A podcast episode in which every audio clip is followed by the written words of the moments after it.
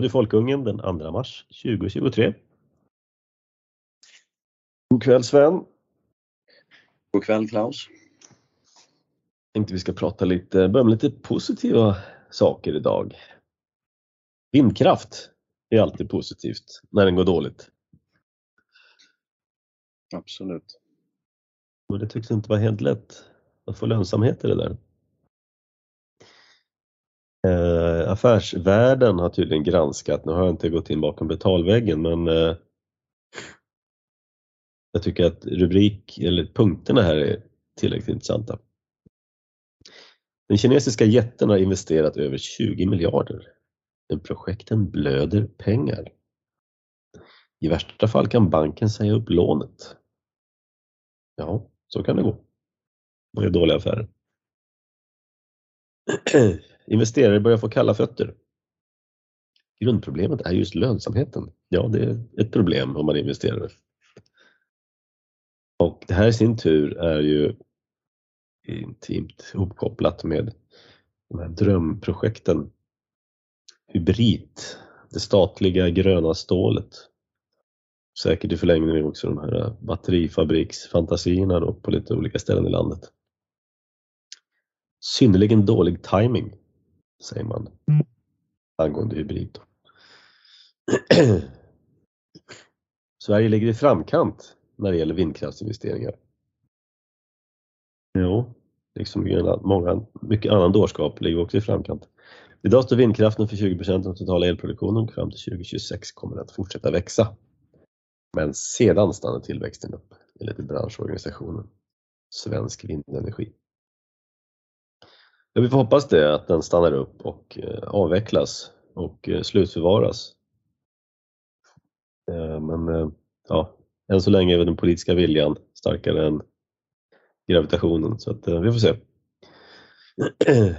det hela är ju väldigt märkligt. Det är ju, jag kan inte heller läsa den här artikeln i sin helhet men jag är nästan säker på att det handlar om Eh, det våldsamt stora vindkraftprojektet eh, Markbygden eh, utanför Pite.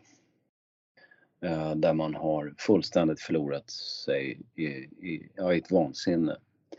Jag, jag tror att det här projektet ska omfatta över tusen snurror när det är fullt utbyggt. Och där har då tidigare ett kinesiskt företag som heter CGN gått in och köpt upp en, del, en hel del av projektet. Absolut inte hela. Eh, CGN då, det är en förkortning för China General Nuclear. Det är alltså ett helt statligt kinesiskt kärnkraftsföretag. Mm. Och och det här är extra aktuellt eller absurt nu efter, efter det att Ryssland invaderade Ukraina. Det ledde till en rad olika sanktioner och en nedkylning av eh, eh, ryssarna är satta i kylskåp kan vi säga.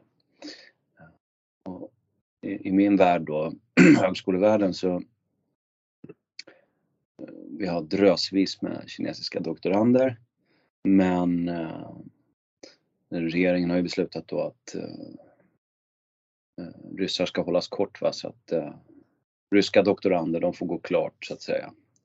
Eh, men inga nya ryska doktorander ska tas in, inga forskningsprojekt ska få eh, det ska inte få finnas något samarbete med ryska högskolor och universitet. Eh, parallellt med det här så tillåter man alltså kinesiska staten att gå in och köpa upp svensk infrastruktur. Och, och, och till och med då energiinfrastruktur. Och det här, alltså mig gör det heligt förbannad. Därför att det går ju inte att ta en regering, för den delen riksdag, som agerar på det sättet kan man ju aldrig ta på allvar sen Alltså om man säger att det är livsfarligt att, att låta begåvade forskare, unga människor från Ryssland komma hit. Eh, och det absolut får inte ske. Samtidigt som man välkomnar den kommunistiska kinesiska kontrollstaten, alltså den äckligaste regim, i princip den äckligaste regim som finns i, i, i världen. I alla fall om man sätter det i relation till landets storlek då. Och, och de miljoner som helt enkelt lider under ett, ett, ett förtryck som liksom saknar Ja, det är väl Nordkorea som kommer närmast. Det är, det, mm. det är, helt, det är helt galet alltså.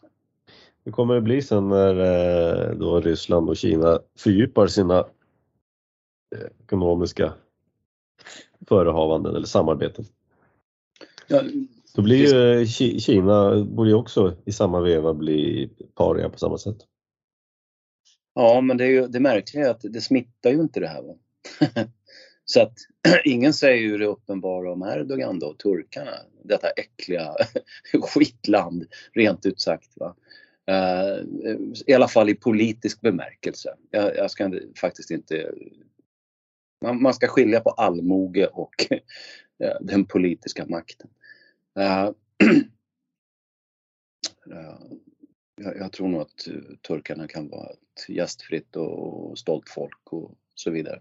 Men, men politiskt så är de ju, det är liksom en, det är bara en katastrof. Uh, och, och, de gör ju precis hur de vill och, och svenska politiker och massmedia låtsas som ingenting. Mm. Katastrofen är att vi tillåter dem att göra vad som helst. Att vi inte ja, visst. sätter någonting emot det. Sen, sen de olika, precis, fjär, främmande regeringar får göra vara precis hur djävulska de vill men att vi liksom har med dem att göra är ju då selektivt har med dem att göra. Inte, inte alla, men vissa då har vi valt att samarbeta med fortfarande som inte borde ha något att göra med. Men tillbaka till vindkraften så det, det CGL ju... är ju den största äg, enskilda ägaren i vindkraft i Sverige, 6,6 procent av installerad effekt. Eh, och då är ju inte det där jätteprojektet färdigbyggt än så det ökar väl i sig när det här är färdigt. Ja, det är helt otroligt. Men det vore ju fantastiskt om, om, om en sån ja, spelare, om det töntiga uttrycket får användas, uh, skulle få sådana ekonomiska bekymmer så att de, de kommer ju naturligtvis inte eh, CGN kan ju liksom inte gå i konkurs, de hela kinesiska staten bakom sig. Men, men det vore fantastiskt om de, om de tvingades till någon förnedrande utförsäljning eller, eller liksom drog sig ur det här. Uh, ja, då kommer ju svenska staten köpa upp det. Ja, Ja, det, jag är faktiskt inte säker på det, men, men, men det vore ju också en, en, pedagogisk handling på något sätt för de som tvivlar vad det gäller inkompetens och, och, och, och idioti hos svenska politiker helt enkelt. Ja. Ja, vi, vi, vi, har ju, man går omkring med den här idén om att kineserna vet vad de gör. Och ändå ger de sig i kast och bygger sådana här jätteförlustprojekt eh, i Sverige då och skövlar svensk natur och miljö. Kan det möjligen vara så att de inte är så smarta som vi, som vi, eh, ja, som vi tror att de är? Ja, absolut, visst är det så. Och eh, man ska komma, kineserna är ju ett spelande folk. Eh, vilket för övrigt svenskarna är också. Det vill säga, de, det finns en stark tradition av spel och dobbel helt enkelt. Uh, jag tror att jag tror det är fullt möjligt att, att, att betrakta Kina som som alltså inte som den här uh, otroligt expansiva med uh, ja, staten där, där alla sluter upp bakom staten och allting är, ja det sker med nästan kirurgisk precision och så vidare utan jag tror att de är väldigt målmedvetna, jag tror att de är långsiktiga. Eh, men jag tror också att de är mm. beredda att chansa. Mm. Helt enkelt. På ett sätt som, eh, som, vissa, som vissa andra stater och länder inte gör. Japan till exempel. Tror jag är en, en stor skillnad. Mm. Så Ja, men det, det, det som sagt, de tänker långsiktigt. Så man undrar ju ändå liksom, är det någonting de vet? Vet de om att, har de räknat ut att energipriserna kommer tiofaldigas i Sverige så att det här kan bli lönsamt? Eller, man vet ju aldrig. B- Både kineserna och ryssarna vet ju en sak som, som knappt eh, diskuteras i Sverige och det är ju att när det gäller fossil energi så går vi ju in i en era där det är säljarnas marknad. Och där vi har haft en, en, en period då i princip 1900-talet och en bit in på 2000-talet där det har funnits fossil energi i överflöd. Och uh, det kommer inte vara så. Alltså, uh, man får vara lite försiktig när man säger så därför att det är lätt att uh, bli placerad då i Ja, det här facket, haha, han tror att oljan kommer ta slut och så här. Men det handlar det inte om utan det är ju så att säga flödet i kranen som kommer inte matcha efterfrågan. Och, och, och det är då som problemen uppstår. Och Eh, Europa ligger ju extremt illa till där. Och det, ja, det här tror jag, när det gäller ryssarna och, eh, så, så, tror jag att de har barnkoll på det här och, och tänker inte i ett år i sänder utan i ett decennium, ett decennium i sänder så att säga. Det, det är inkrementet där va, på, i deras strategi. Um, det, det är ju det som är så tragiskt med allt det här att vad som än händer med det här kriget så alla naturresurserna i Ryssland kommer ju finnas kvar där. Det spelar ju ingen roll hur mycket den enskilde ryssen lider under sanktioner. Eh, ryssarna kommer fortfarande ha de här eh, gas, olja och, och alltihopa och, och, och vi kommer fortfarande sakna samma produkter. Alltså frågan är ju hur mycket de egentligen saknar. Det mesta, har man energi, hårdvaluta, om man har handelsförbindelser liksom, med Asien så kan man få tag i det mesta man behöver.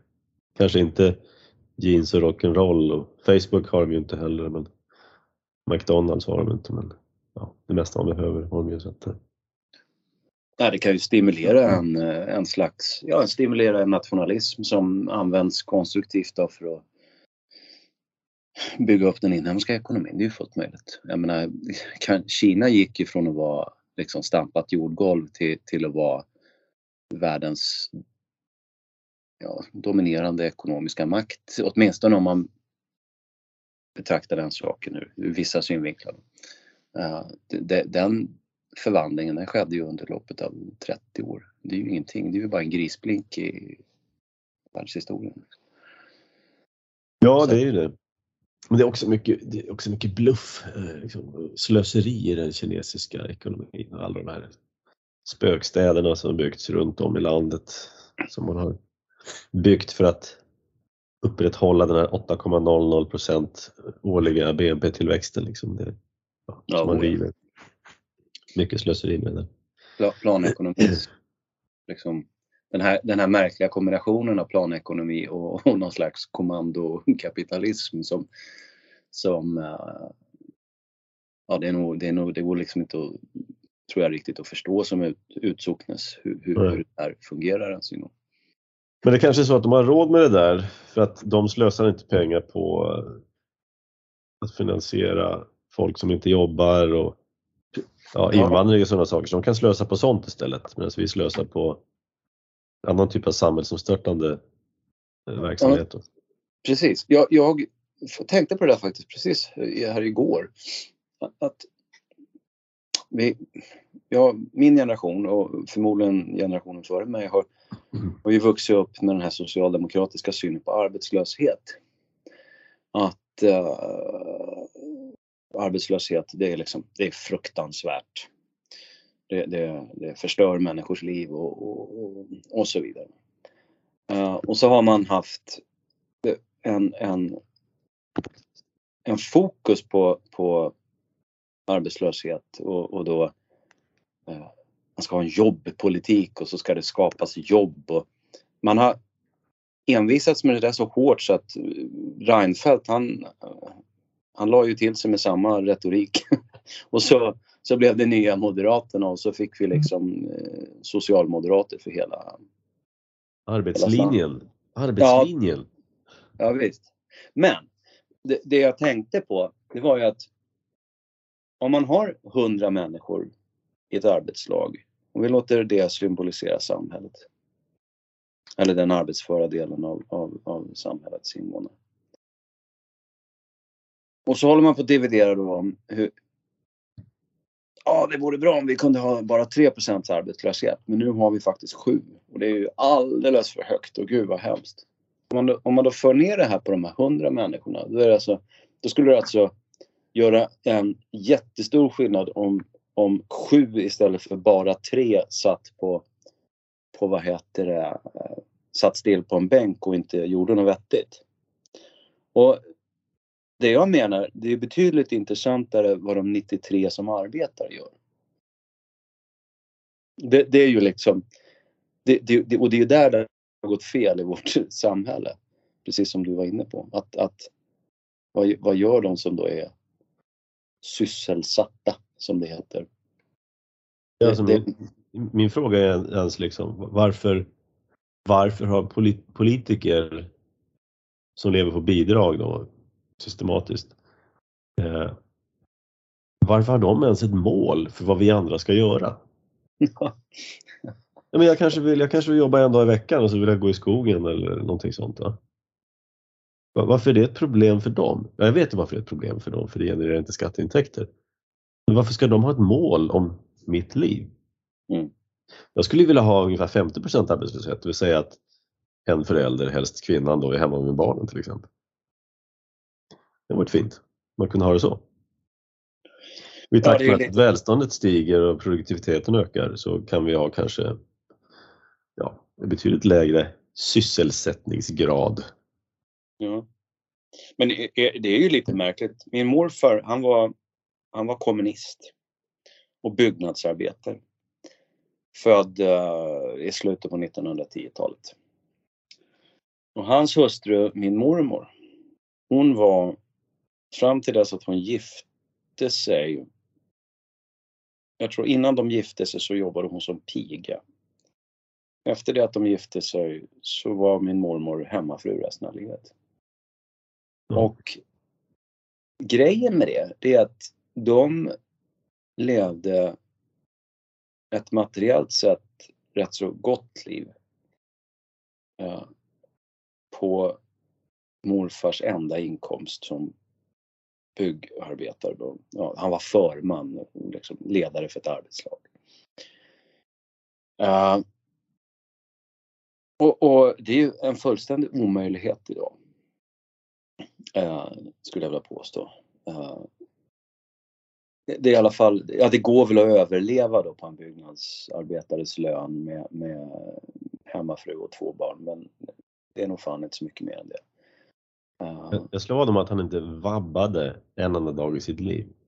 Nej, det tror jag inte. Jag slår vad om att de inte någonsin pratar om livspusslet hemma hos sig. Ja, men det, det där är jag... jag har ju föräldraledig då väldigt mycket med min dotter. Och, uh, men det var ju... Tack och lov så fick vi ju uh, besluta i sådana frågor själva fortfarande. På den, den tiden då hon var så pass liten. Men det här med livspussel, det är ju någonting vi brukar garva hemma just det här. Föräldrar som pratar om livspussel och egen tid och gud vet allt. Fantastiskt. Ja, de, har, de har ju köpt hela det där politiska tramseriet om livspussel. Ja. Jag vill inte ha egen tid. Jag spenderar gärna min tid tillsammans med min hustru. Det är därför jag är gift med. Ja, ja, det är så dumt. En annan, ja lustighet, kineserna, jag vill prata Kina här. Hybris uh, grejer. Jag läste att uh, de ska skjuta upp 13 000 satelliter för att störa Elon Musks rymdimperium. Alltså, räkna till 13 000. Och så, så föreställer du dig 13 000 satelliter. Ja. Och, och den logistik som krävs för att skjuta upp de här rymden. Alltså, vad, vad kostar det? Och, och syftet ska då vara att eh, det, ska, det ska upp snabbt också. De här ska upp innan eh, Starlink är färdigt, före 2027. Ja, ja, de här ska också kunna då störa ut eh, Starlink, då, Elon Musks satellitnät i tanken. Läser jag här då. Den ska kunna ha lasrar och grejer och högeffekts mikrovågsvapen. Bränna upp de här masksatelliterna om de passerar känsliga ställen i Kina. Övervakningsmässigt så är vi ju bara i, i allting är ju bara i sin linda egentligen. Eh, man, man kan ju titta på det här militärt och, och, och konstatera att ja, det försprång som USA har haft militärt, det, det, eh, det förlorar de ju i snabb takt nu. Ja, det kräver ju att man har eh, ammunition och sånt där om man ska ha ett försprång också. Inte bara ja, häftiga, ja, häftiga prylar liksom. Man ska ha kvantitet också, inte bara kvalitet. Ja. Det, det, jag, jag skulle tro, det kommer vi aldrig få veta, men jag skulle tro att det finns en hel del eh, militärer i, i den, liksom den västerländska sfären som, som helt enkelt är jävligt oroade över de har nog fått ett bryskt uppvaknande i det här kriget. Ja, de brukar på de här folk och försvarsträffarna de senaste åren har de ju konstaterat att det är klimatet som vi måste kriga mot. Men eh, jag tror att de kanske har börjat ja. vakna och känna doften av kaffe som man säger på utländska. Ja. Jag förstår bara kunskaps, eh, så att säga,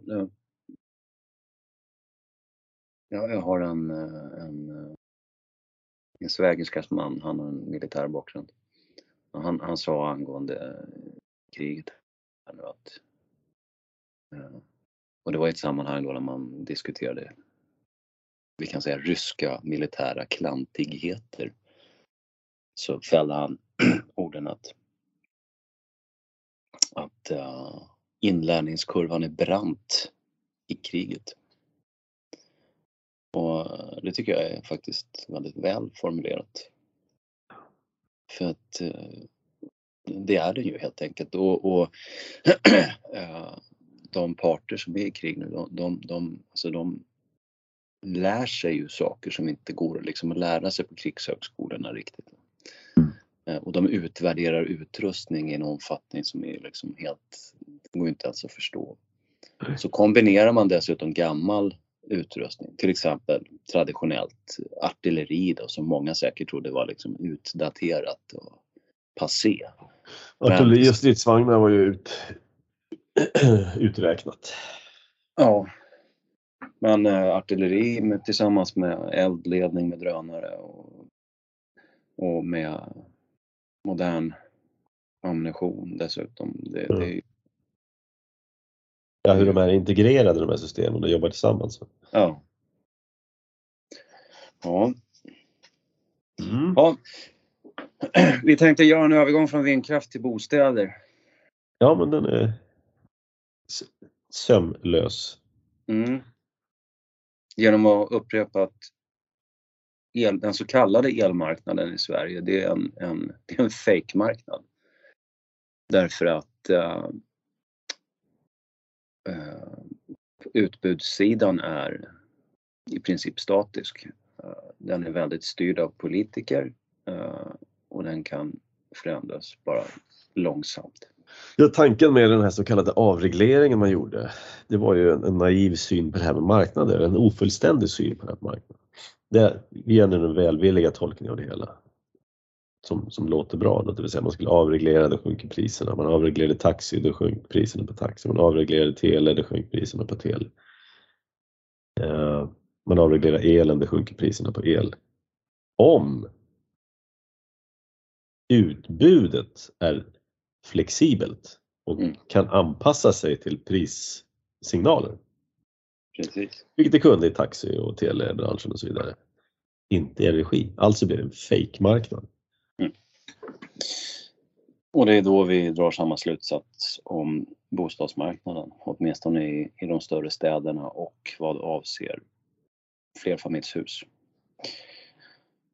varför då? då? Jo, det finns, det finns ju två regleringar på, på bostadsmarknaden. Det ena är alltså, problematiska regleringar. Det ena är att vi inte har marknadshyror då i hyres beståndet. Eh, och det diskuteras ju en hel del faktiskt. Det måste man ändå säga. Eh, men sen är det ju på utbudssidan då. Så där har kommunen planmonopol när det gäller att planera stadsbebyggelse. Och det gör att vad som byggs av vem, det är i stort sett styrt av politiker. Eh, med de konsekvenser det får. Då. Så att tittar man på Stockholm så är det en av, en av världens mest utglesade huvudstäder. Jag har för mig att på samma yta som Stockholm i Sankt Petersburg i Ryssland så bor det 5 miljoner människor, vilket ger en indikation då på hur, just, just hur gles Stockholm är. Eh, för att Sankt Petersburg är inte heller känd för att vara någon extremt tät stad. Eh, så att Stockholm är glest. Man kan gå in på Google Earth och kolla. Det finns väldigt mycket obebyggda områden i Stockholm.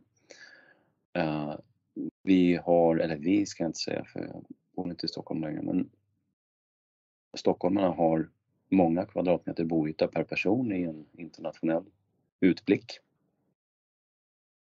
Och en grotesk bostadskö. Som ju då naturligtvis är, är, är ligger i offentlig sektor. Då.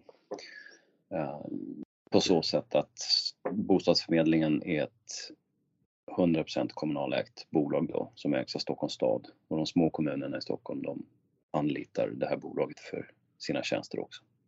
Men är det så att det måste vara så eller kan man sätta upp en egen bostadsförmedling? Är det, är det lagligt? Nu ställer jag en dum fråga här. Det är som när jag satte på ett takräcke på min bil en gång. Min dotter frågade, får man göra så utan att ansöka om tillstånd? nu ställer jag samma fråga här. Får man sätta upp en bostadskö utan att ansöka om tillstånd? Uh, ja men det tror jag faktiskt. Det vågar jag, det vågar jag vara 99,9% säker på. Men måste man inte som fastighetsägare eh, slussa en del av sitt bestånd till de offentliga Nej, det tror jag. Nej, utan det, det gör de eh, frivilligt. Okay. Uh, och det är en hel del privata värdar som, som använder den här tjänsten. Det sjuka är ju då att, att uh, uh, jag har för mig nu att de har omsatt 130 miljoner det här bolaget för att, för att hålla en jävla kö. Det kan man göra på en webbsida, helt automatiserat. Ja. det är helt groteskt. Och eh, de förmedlar ju inte heller speciellt många bostäder. Jag ska se, jag hade en siffra på det där framme här. Får se. Medan du letar efter den så är det ju så att som jag förstått det här så började det här med hyresreglering under kriget när man ransonerade allt. Från smör till olja till bostäder. För att i en krigsekonomi så konsumerar ju staten oändliga mängder av, av resurser. Och det lilla som blir kvar då, måste, då får man då dela ut rättvist till undersåtarna på något sätt. Eller rättvist och rättvist men och samma var det då med bostäder. Som man också då ransonerade på det sättet. Mm. Och eh, alla andra ransoneringar försvann. Av någon anledning så, så blev bostadsransoneringen kvar. Mm. Och alltid är det så att när man ransonerar så vill ju ja, folk vill ju ha mer än vad som finns. Därför man ransonerar. Alternativet till att ransonera är ju att använda pris som en fördelningsmekanism. Det vill säga om folk vill ha mer än vad som finns så stiger priset. Ja. Och då fungerar de här marknadsmekanismerna om man får etablera nytt och så vidare. Budet Men om man inte vill göra det, då får man bygga kösystem. Det, jag brukar säga det, det vi har bostadsköer i Sverige av samma anledning som man hade köer på att få en, en, en Trabant i eh, DDR en gång i tiden. Skillnaden är att en Trabant kunde man få på kortare tid, man kunde få en bostad. Där man kan få en bostad idag i svenska bostadsköer. Ja. Nej, det är ju att uh, det får ju så otroligt många konstiga effekter det här. Därför att uh, det står ju hundratusentals människor, jag tror att det är uh, 700 000 pers som står i kön. Uh, och i attraktiva, så kallade attraktiva områden då, till exempel Södermalm. Eller vilket innerstadsområde som helst. Eh, så då, då, blir det ju naturligtvis så att då måste man ha jättelång kötid för att kunna få fatt i en lägenhet. Och om man då har en hög andel hyresrätter i bostadsbeståndet där som eh, dessutom förmedlas via bostadsförmedlingen. Så betyder ju det att de kommer ju efter ett tag helt och hållet bebos av människor som har haft en jäkla massa år i bostadskön. Och det blir ju då per automatik mm. helt enkelt äldre människor. Så att det här, det här påverkar ju liksom själva befolkningspyramiden i vissa områden. Och vill man ha det så, man får inte en levande stad genom att göra eh, vissa områden då som domineras av allmännyttiga bostadsbestånd eh, genom att göra dem till någon slags eh, seniorboenden i praktiken. Det blir ju, är en gravt, det blir en dålig stad liksom. Eh, så att det får ju konstiga effekter, inte bara de här, inte bara kösystemets tendens att ge upphov till brist utan det, det, det påverkar på flera andra sätt också. Men de, då har jag hittat den här uppgiften. De förmedlade då, skriver de så här i årsredovisningen. Det är Stockholm? Ja, de förmedlade 19 000 lägenheter. Men måste man fortsätta läsa där för att vara lite alert. Då står det lite längre ner. Bostäderna som förmedlades via bostadskön inkluderar 3466 studentlägenheter, 2198 ungdomsbostäder och 1417 korttidskontrakt. Det vill säga, tar man bort de här väldigt, ja det får vi väl ändå betrakta då som nischade bostadstyper. Det, det, det är ju studentlägenheter, ungdomsbostäder och korttidskontrakt. Det, det är ju boenden som helt enkelt inte kan komma i fråga för väldigt många människor. Det. Eh, och det betyder att då ska man då, får vi summera här, säg 3,5 plus 2 och 2, det är 5 och 7 plus ja men säg 7000 då, det ska man dra bort från de här 19 000 så då, då är man nere på alltså någonstans 12 13 000 så att säga vanliga hyresrätter som förmedlades. Och, eh, och då måste jag bläddra ner här då till Just det, jag kommer ihåg rätt. Nettoomsättningen var 130 miljoner.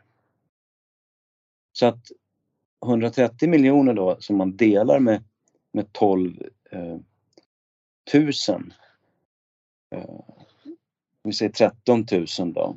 Eh, dålig på att räkna nu. Men det, det blir ju då 10 000 kronor per förmedlad lägenhet. Det är ju groteskt.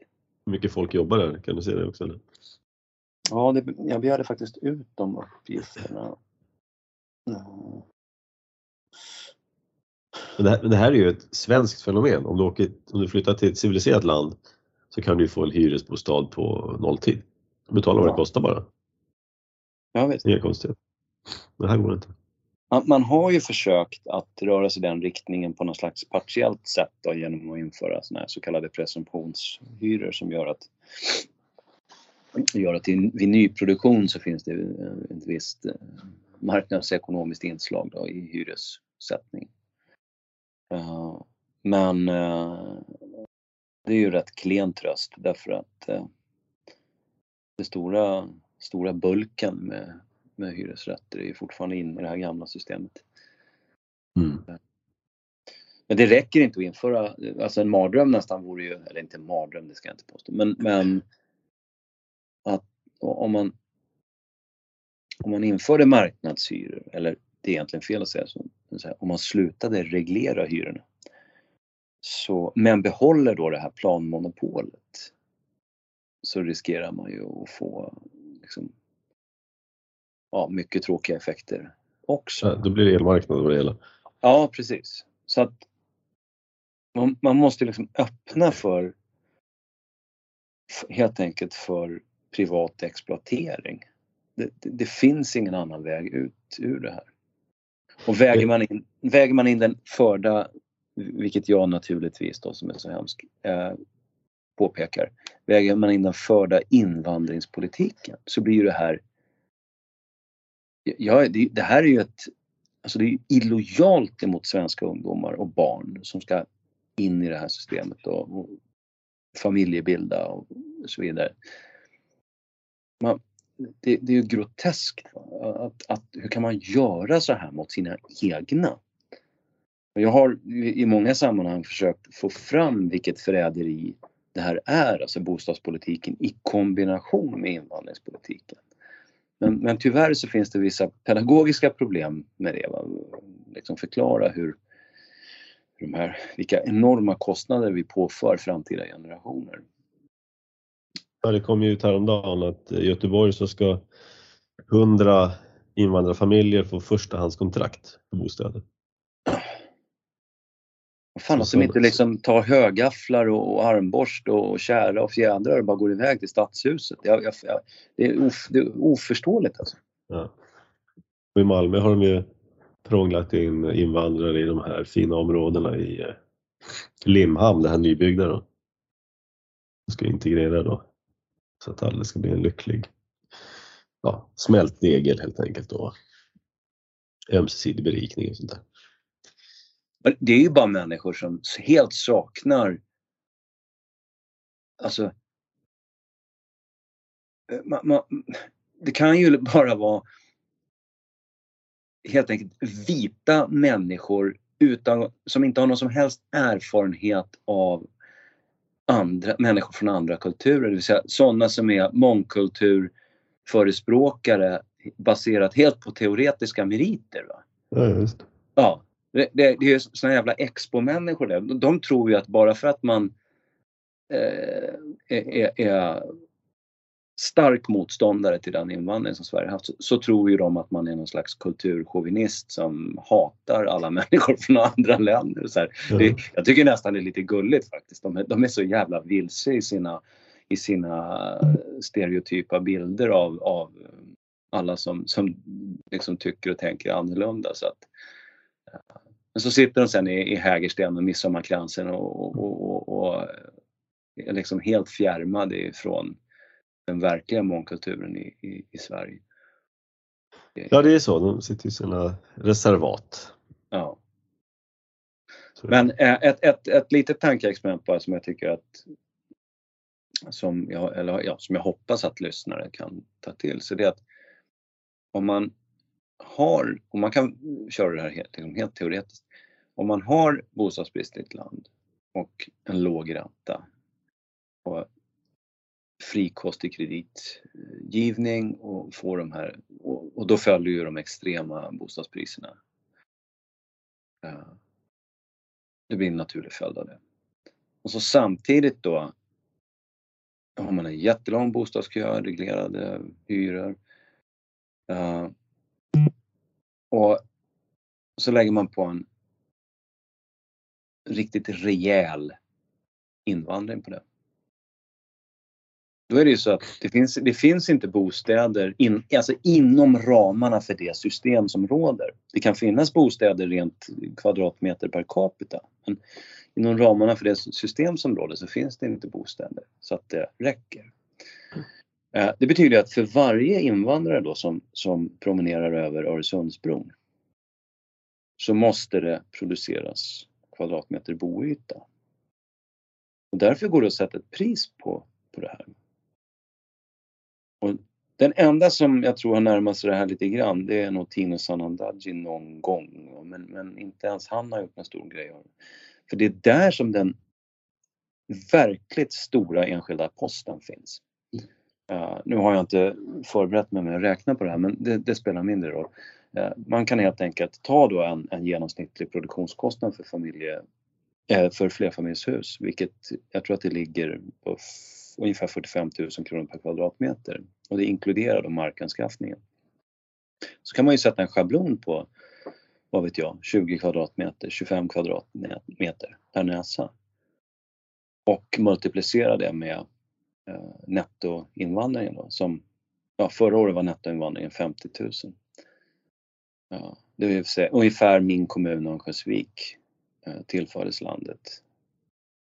Och naturligtvis så produceras det inte bostäder då till de här människorna. Det produceras inte heller förskolor, vårdcentraler och så här. Utan, utan det bara dimper ner en hel jävla kommun av Örnsköldsviks storlek. Och, uh, de rymmas i existerande kostym. Ja, precis. Och det finns ju ett namn på det här. Va? Vi blir fattigare. Det, det, är, liksom, det är det som händer. Precis. Priserna stiger, lönen räcker inte lika långt, köerna till vård och så vidare. Längre och längre, servicen ja. blir sämre. Men man måste koppla ihop det här med orsaken. Det, det liksom dyker inte upp ur ingenstans.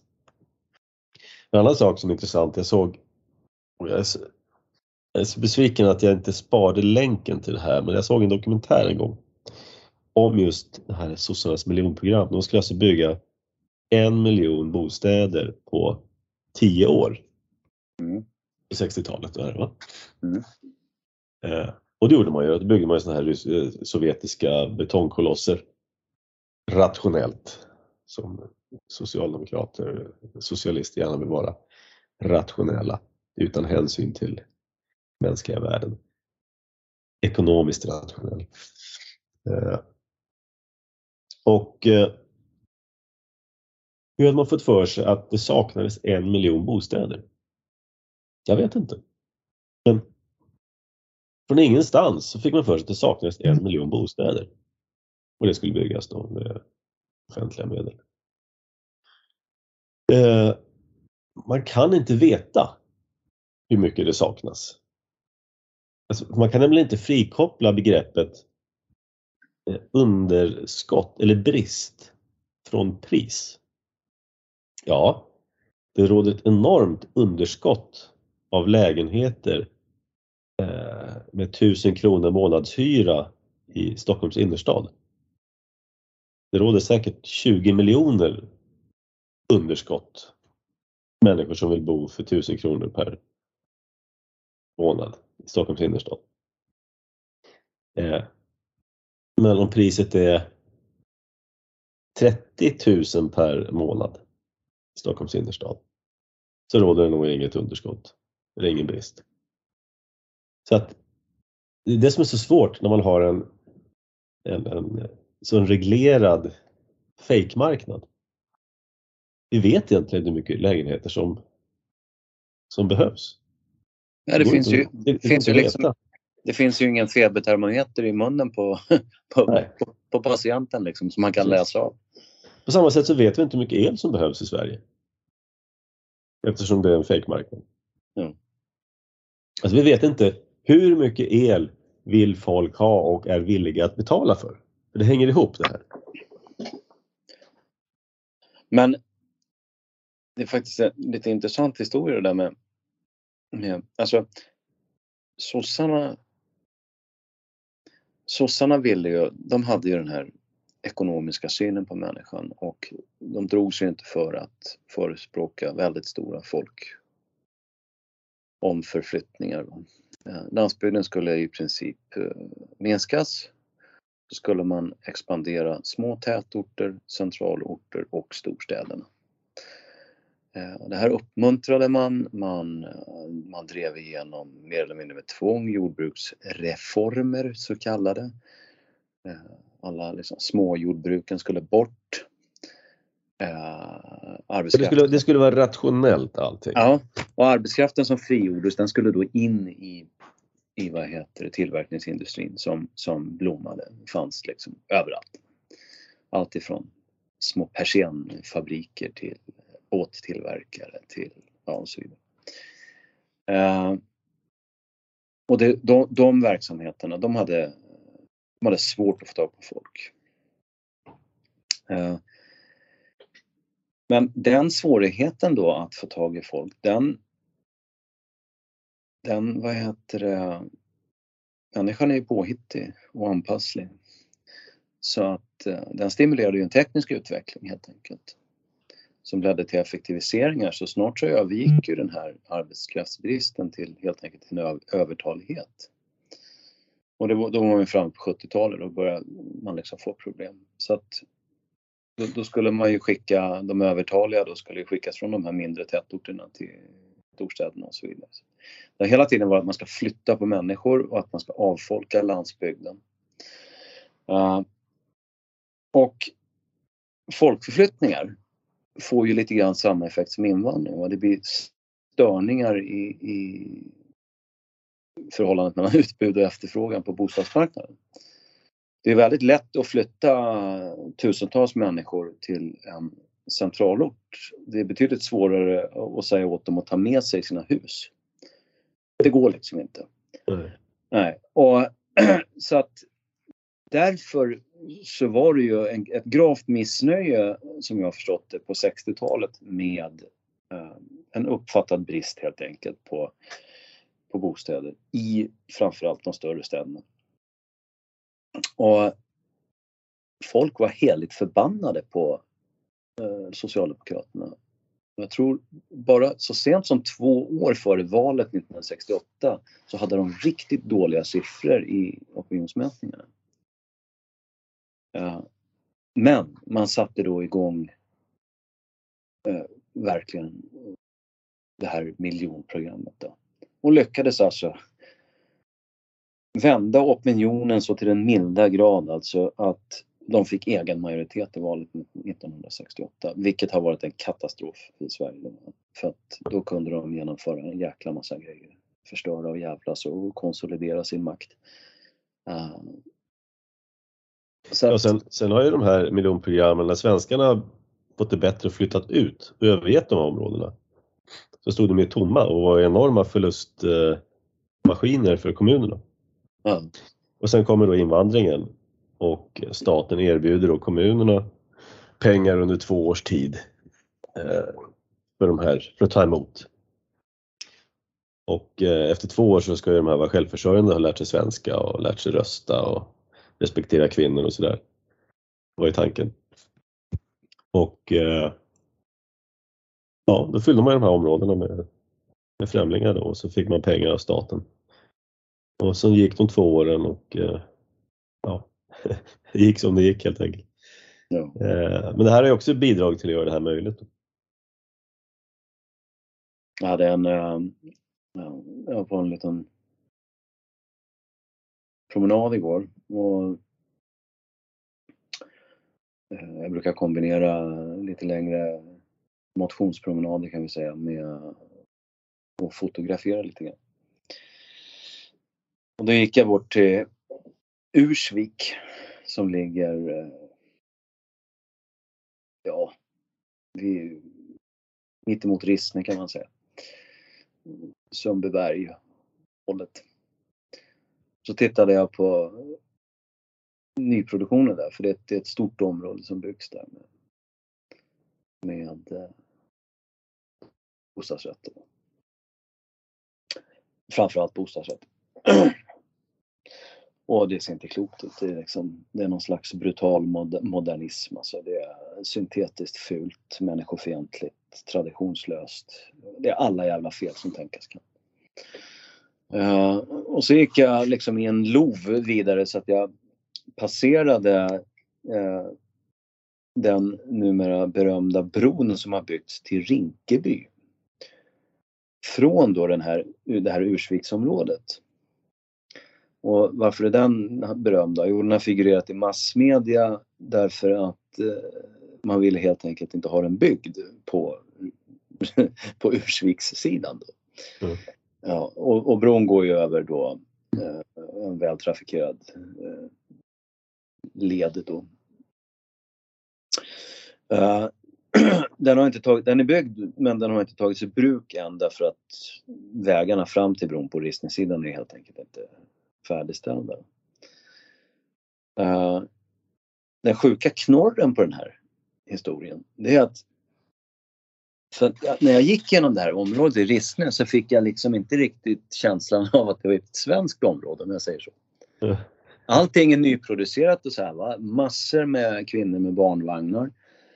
Eh, mycket folk i rörelse faktiskt. Eh, men eh, det kändes inte riktigt riktigt.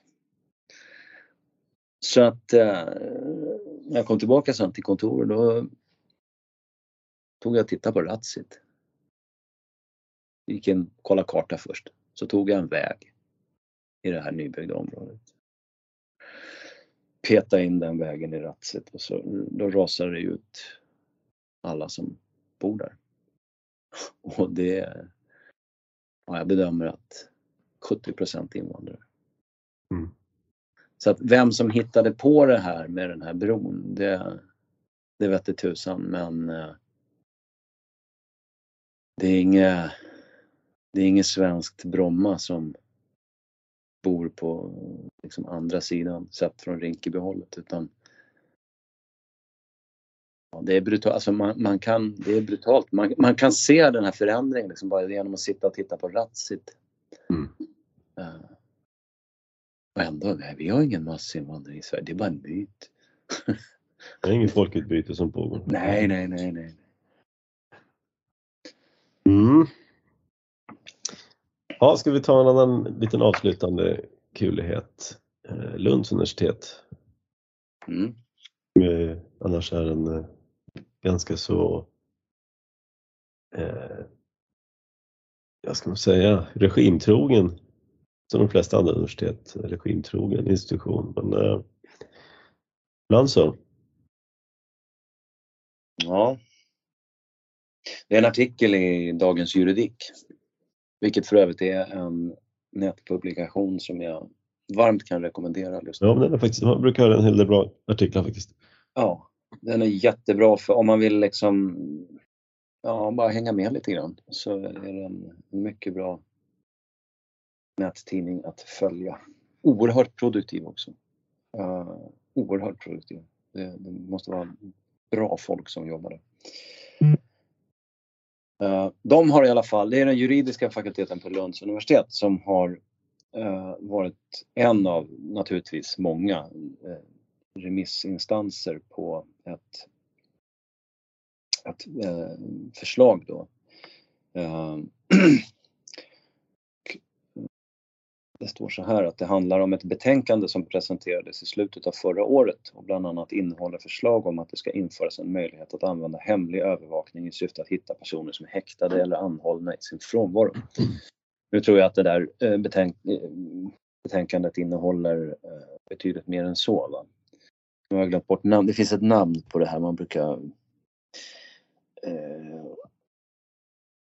ja, att, att typ elektroniskt eh, övervaka folk i förebyggande syfte så att säga.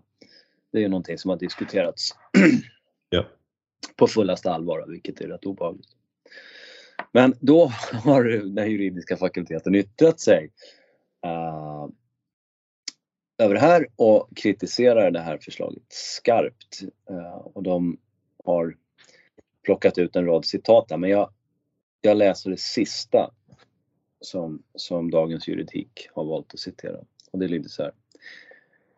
Och det här är då ord från den juridiska fakulteten på Lunds universitet. Till exempel kan man konstatera att Folkrepubliken Kina har en viss nivå av statlig övervakning. Ett sådant konstaterande innebär ju inte att det finns godtagbara skäl för en sådan nivå av statlig övervakning även i Sverige. Det här måste ju kunna betraktas som en, en käftsmäll på juridiska. ja. Det där är ju liksom, man, den personen som har skrivit det här, det hör man ju. Det här är ju, ja, som jag sa innan vi började, att det är någon vardagshjälte som har varit framme. uh. Ja, visst, det här är både ironi och satir och och allvar. Ja, och allvar. Liksom, ja. Enligt remissyttrandet saknar hänvisningen till andra rättssystem citat intellektuell bärkraft. Det är alltså en idiot som har skrivit det här menar de då. Precis. Oh. det, är, det, det, är faktiskt eh, oerhört befriande och, och eh, få sådana här små eh, liten, vad ska vi säga, insyn i i det här fallet då den juridiska fakulteten på Lunds universitet. Där finns det liksom minst en person som inte bara har vettet i behåll utan också har eh, modet och viljan att faktiskt eh, skriva på det här sättet. Jag gissar att eh, den juridiska fakulteten i Lund härmed inte längre kommer att användas som remissinstans. Man brukar ju göra så här de här statliga utredningarna att eh, eh, om det till exempel kan vara av intresse att höra vad universitetsvärlden tycker i, med avseende på något förslag då eller, eller vad kommunerna tycker.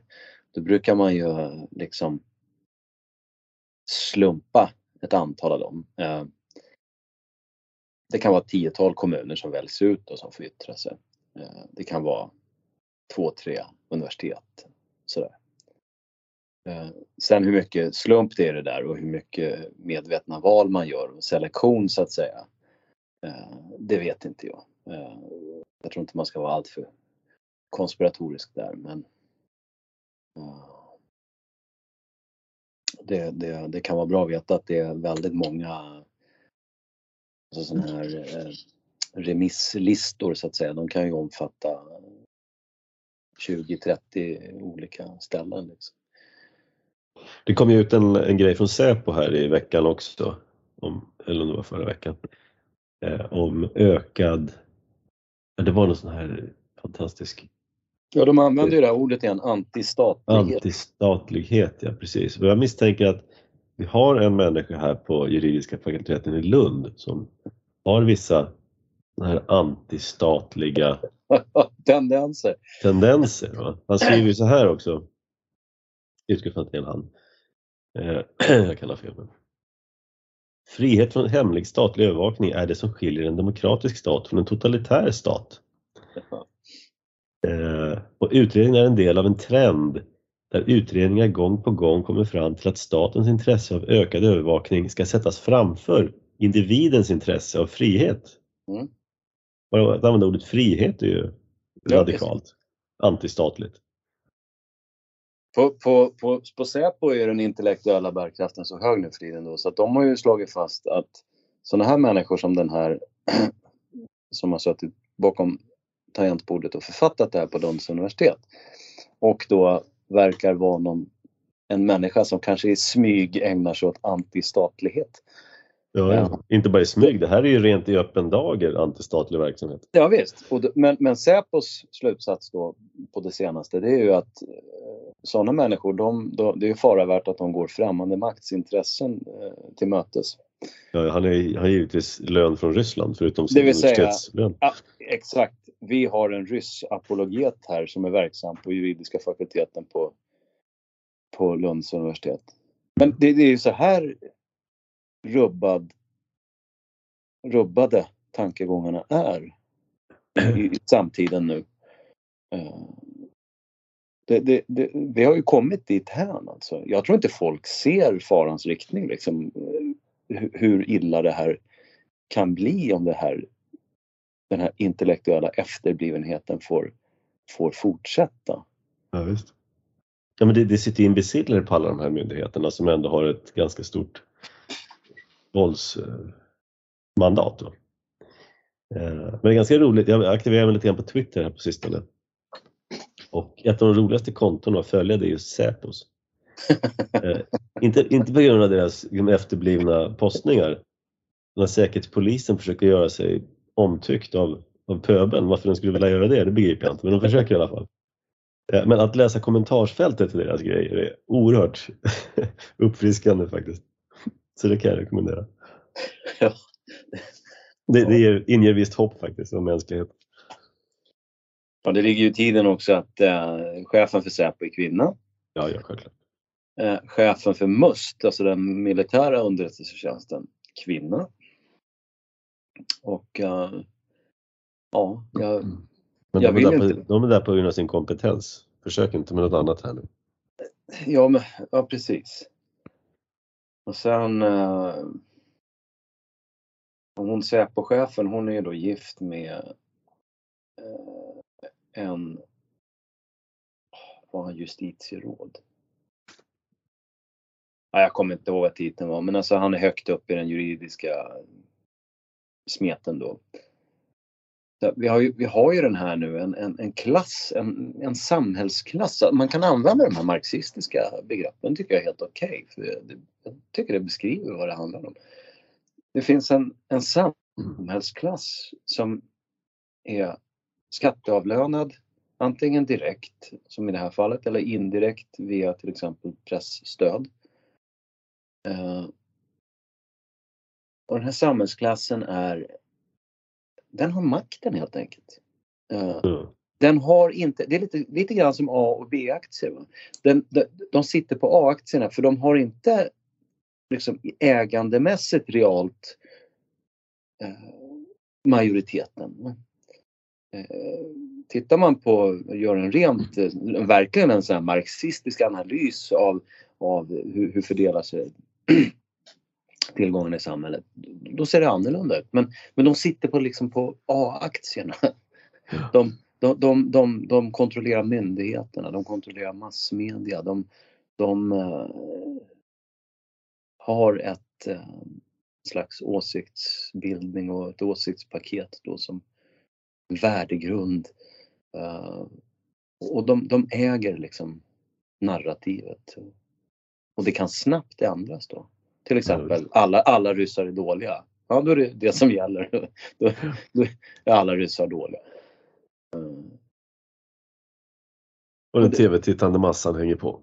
Ja, och, så, och i, i ett sånt samhälle så förr eller senare förstår man ju att då, då kommer ju all typ av meritokrati sättas ur spel. Och Ja. de kommer att anställa sina barn, lyfta fram sina barn. Ja, alltså alldeles oavsett begåvningsnivå och kapacitet så kommer eh, människor kommer få jobb utifrån kontaktnät och föräldrar i första hand. Ja. Inte, inte genom bevisad kapacitet. Nej. Och, och sådana samhällen de är ju dömda att, eh, att bli sämre helt enkelt. Ja, när, när den offentliga sektorn växer eh, och där behöver man ju inte kompetens för att bli anställd. Så kommer det bli allt mer som nepotism. I privat sektor så är det vinsten som räknas. Eh, till stor del. Ja. Eh, Den, Men den där- lurar ju alltid där i bakgrunden så att säga. Ja. precis. Så länge du har ägare med något slags vinstintresse så kan vanstyret inte fortgå hur, hur, långt som helst. Eh, men i offentlig sektor är det ingen fara. Det är bara anställa ännu fler imbeciller så om det inte räcker med en så kanske du får ta till fem. Då. Mm. Det finns ingen vinstfaktor här som, som hindrar att det finns ju inte vinst och förlust ändå så att det är bara att anställa ännu fler och höja skatten. Och de här människorna de är ju ofta väldigt skickliga på att på ett tidigt stadium fånga upp den nya trenden som gäller så att säga. Så att man, man eh, i sin strävan då att göra karriär och, och bli uppmärksammad av de som sitter ovanför en själv i, i hierarkin så anammar man de här nya eh, trenderna då snabbt och för fram dem och så vidare. Ja. Det är därför det kan gå så oerhört fort. Va? Alltså, eh, ta, ta det här med, ja, vi kan ta transsexualitet och könsdysfori. Och, det har ju, om man jämför med hur snabbt det har blivit ett ämne som alla ska bry sig om och måna om och ha en åsikt om. Och, om man jämför det med istället med homosexualitet. så är det, har det ju gått, jag menar det här med transsexualitet, det, det gick ju, det var ju för fan från ena året till nästa. Och det, det är naturligtvis en, eller det är mer min tolkning, för det är en konsekvens av att då, då har liksom massa människor då i de här skatteunderstödda sammanhangen, de har då noterat att ja men det här med med, med, med, med homosexualitet, det var helt plötsligt väldigt hippt och, och, och, det skulle man vara, vara liksom man skulle vara för att nu ska alla ut ur garderoben och, och hit och dit. Så att, sen när det här med, med, med könsdysfori kom, då stod man liksom redan i startgroparna beredd att kasta sig över det här nya, the current thing. Och, och det där har ju liksom ett exponentiellt förlopp. Alltså till slut så, så står ju folk och, och liksom, det är som, det är som såna här greyhounds i sina burar precis innan man ska starta loppet. Va? Bara står och väntar på liksom, vilken, är det, vilken current thing är det som ska, jag ska kunna lyfta fram nu för att gynna min karriär och visa att jag är minsann en modern människa som är med på tåget. Och det, det är så hemskt här för att det här leder ju samhället åt helvete. Alltså. Vi behöver ju gråa män som säger att nu ska vi förvalta det vi har. Det, det är liksom, det är där, det är sådana samhällen som blir bra. Jo, precis. Eh, det finns en eh, i Strindbergs Röda rummet så skriver han en, det finns ett kapitel där som handlar om kollegiet för utbetalandet av ämbetsmännens löner som eh, beskriver offentlig verksamhet. Helt fantastiskt komiskt. Så att om du har ett gammalt Röda rum hemma eller hittar den på nätet så kan du läsa det kapitlet. Helt fantastiskt kul. Och re, redan då, för då är vi väl tillbaka på, vad kan det vara? Ja, det här är 1879 kom den okay. boken ut. Okay. Men då funkar det, då bestod det inte av så mycket fett, de här uh, institutionerna som de gör nu då. När det är kommunikatörer och värdegrundsambassadörer och ja, alla sådana här grejer. Men redan då. Redan då. Ja, men vi gläder oss åt uh, den uh, subversiva verksamheten på Lunds juridiska fakultet. Bra början. Jep, påminner om uh, Folkungatinget den 27 maj. Jag, kommer, jag har varit lite slapp här men snart ska jag komma ut med anmälningslistor och lite mer information. Så hörs vi om lite tag snart igen, en vecka kanske. Gott så. Tack för ikväll. Mm. Tack Klaus.